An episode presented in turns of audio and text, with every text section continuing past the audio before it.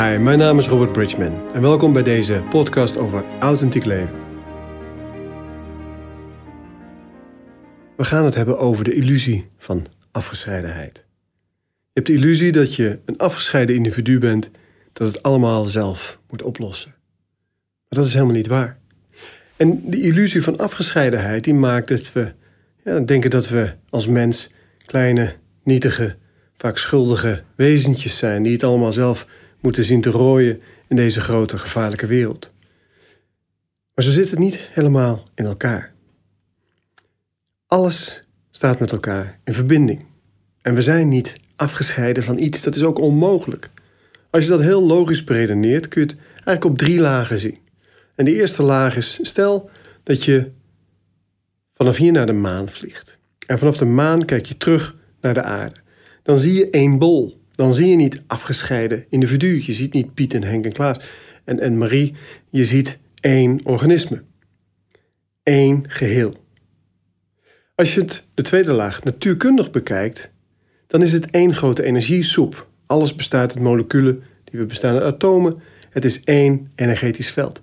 Er is helemaal niets afgescheiden aan. Ook de lucht die zich tussen jou en iemand anders bevindt, is dezelfde moleculen als waar jouw lichaam uit bestaat.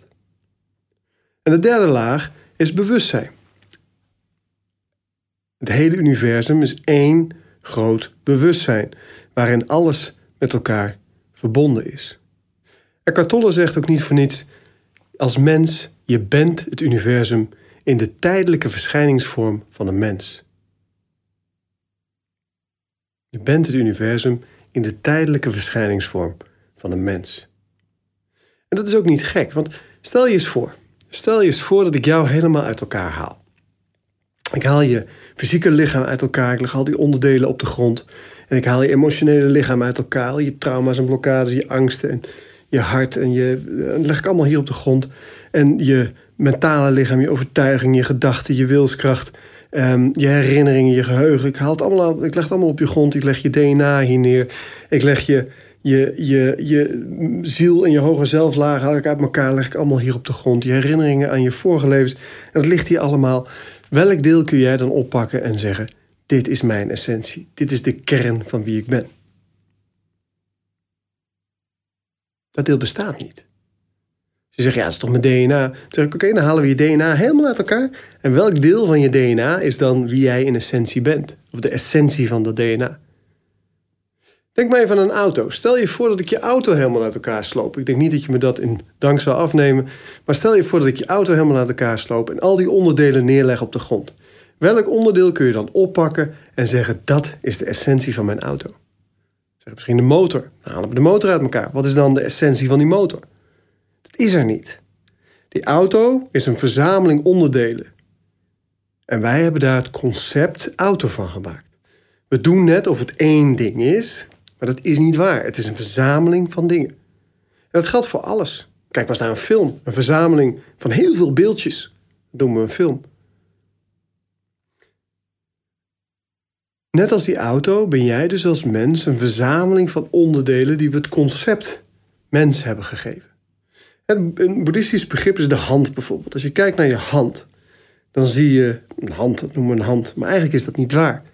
Het is een verzameling botten, vlees en nagels, bloed. Maar eigenlijk is dat ook niet waar.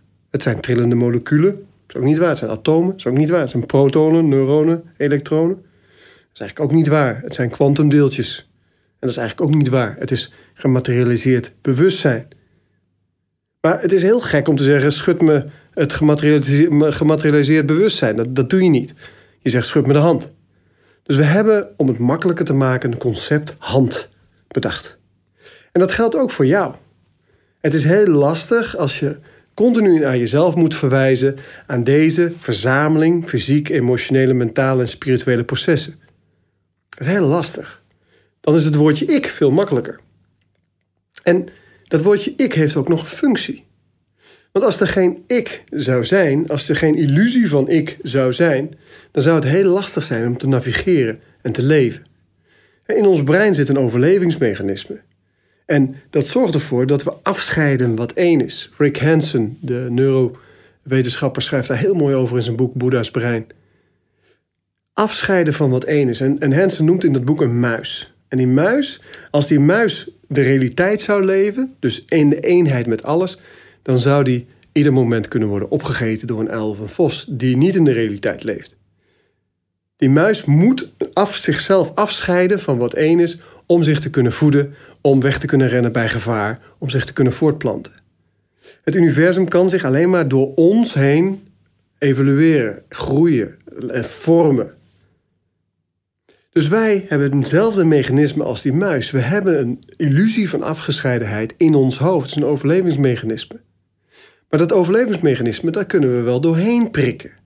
Als je daar goed naar kijkt en je bent je er bewust van, dan kun je er wel afstand van nemen. We weten zelfs waar het zit, voor in je brein, in de prefrontale delen.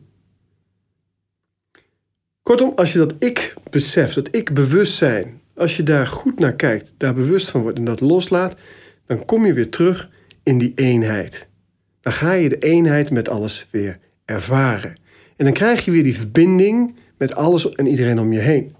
Als je kijkt naar oude stammen, eh, indigenous, de oorspronkelijke bewoners van deze aarde, die hebben dat nog heel sterk. Die voelen heel sterk die verbinding met alles wat leeft. Die voelen heel sterk die verbinding met alle dieren. Dat noemen ze de, de viervoetige en de tweevoetige en de gevleugelde en de kruipende vrienden. Of relatives eigenlijk zelfs, familieleden.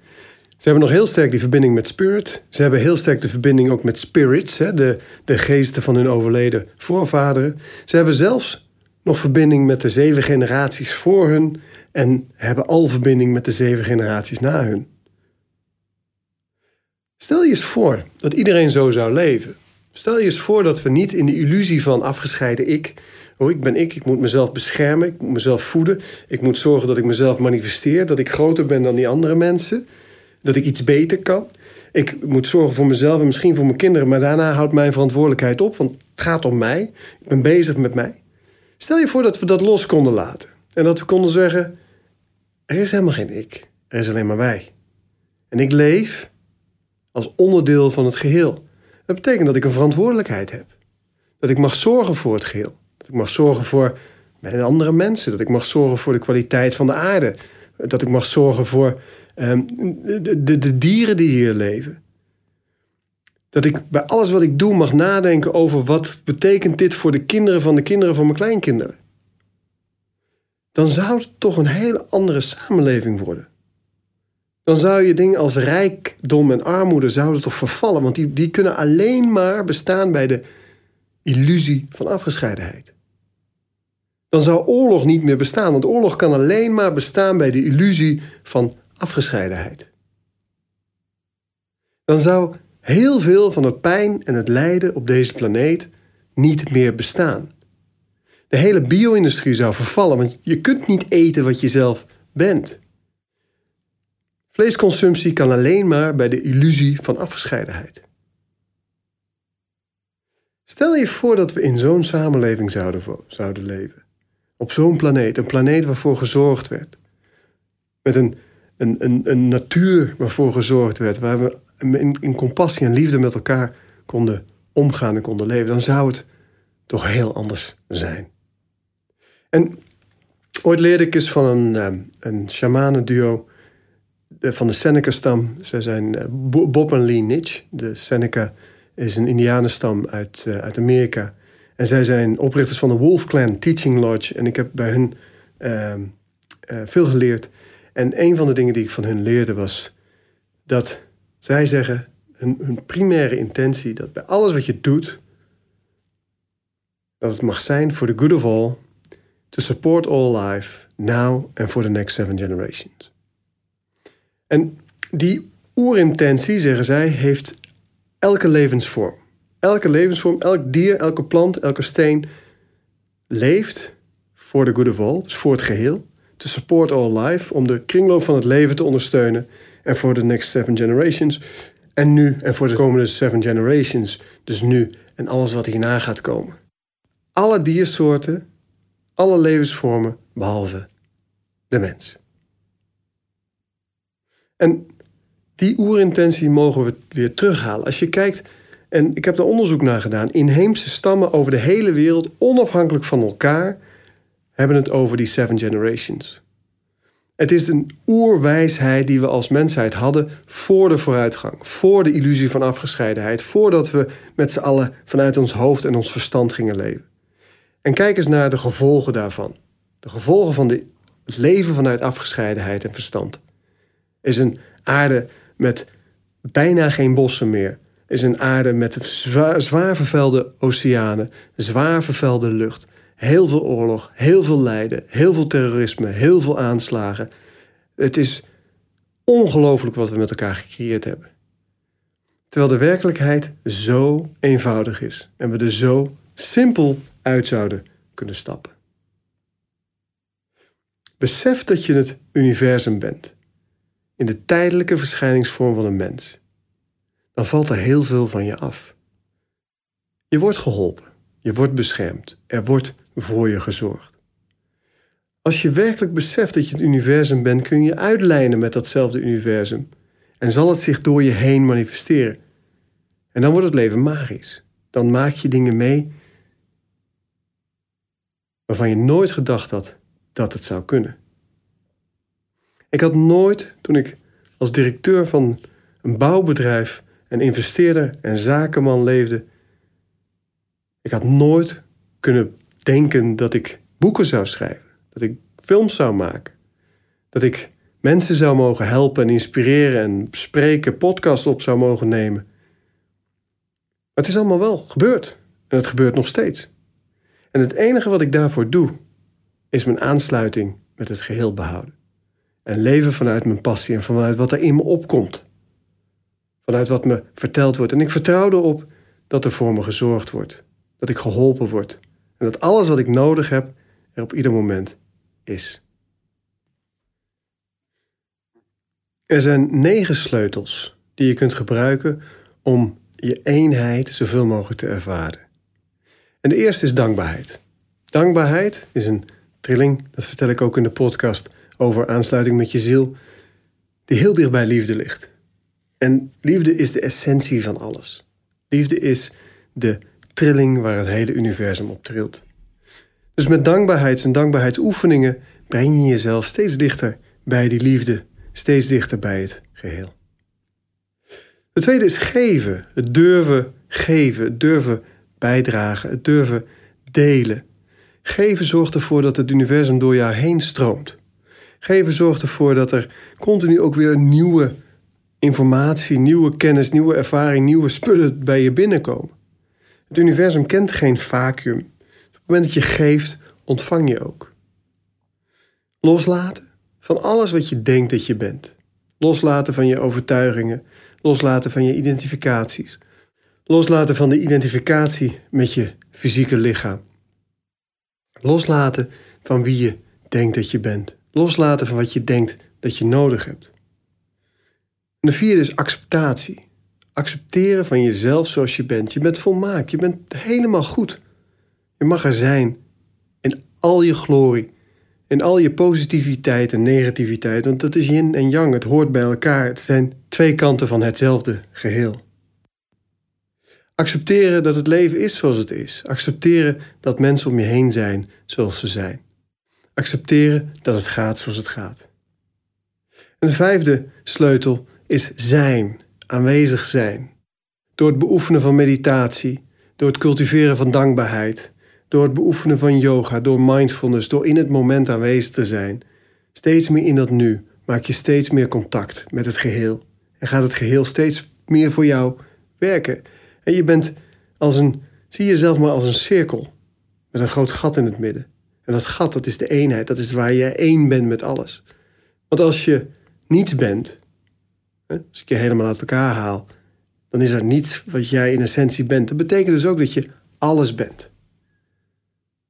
Er is een wijze uit India, Sri Nisargadatta Maharaj, die verlicht raakte en die zei: Het leven is als een bootje dat over een rivier vaart. En voor jullie, mensen die in de illusie van afgescheidenheid leven, is de ene bank die van pijn en de andere bank die van genot. En met je bootje probeer je zoveel mogelijk bij die pijnbank weg te blijven en zoveel mogelijk naar die genotsbank toe te gaan.